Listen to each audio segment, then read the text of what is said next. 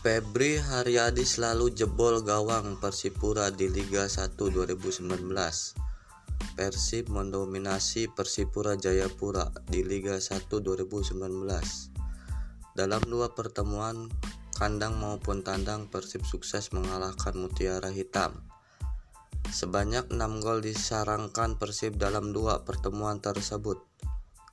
Catatan lainnya Febri Haryadi selalu menyumbangkan gol dalam dua pertandingan tersebut.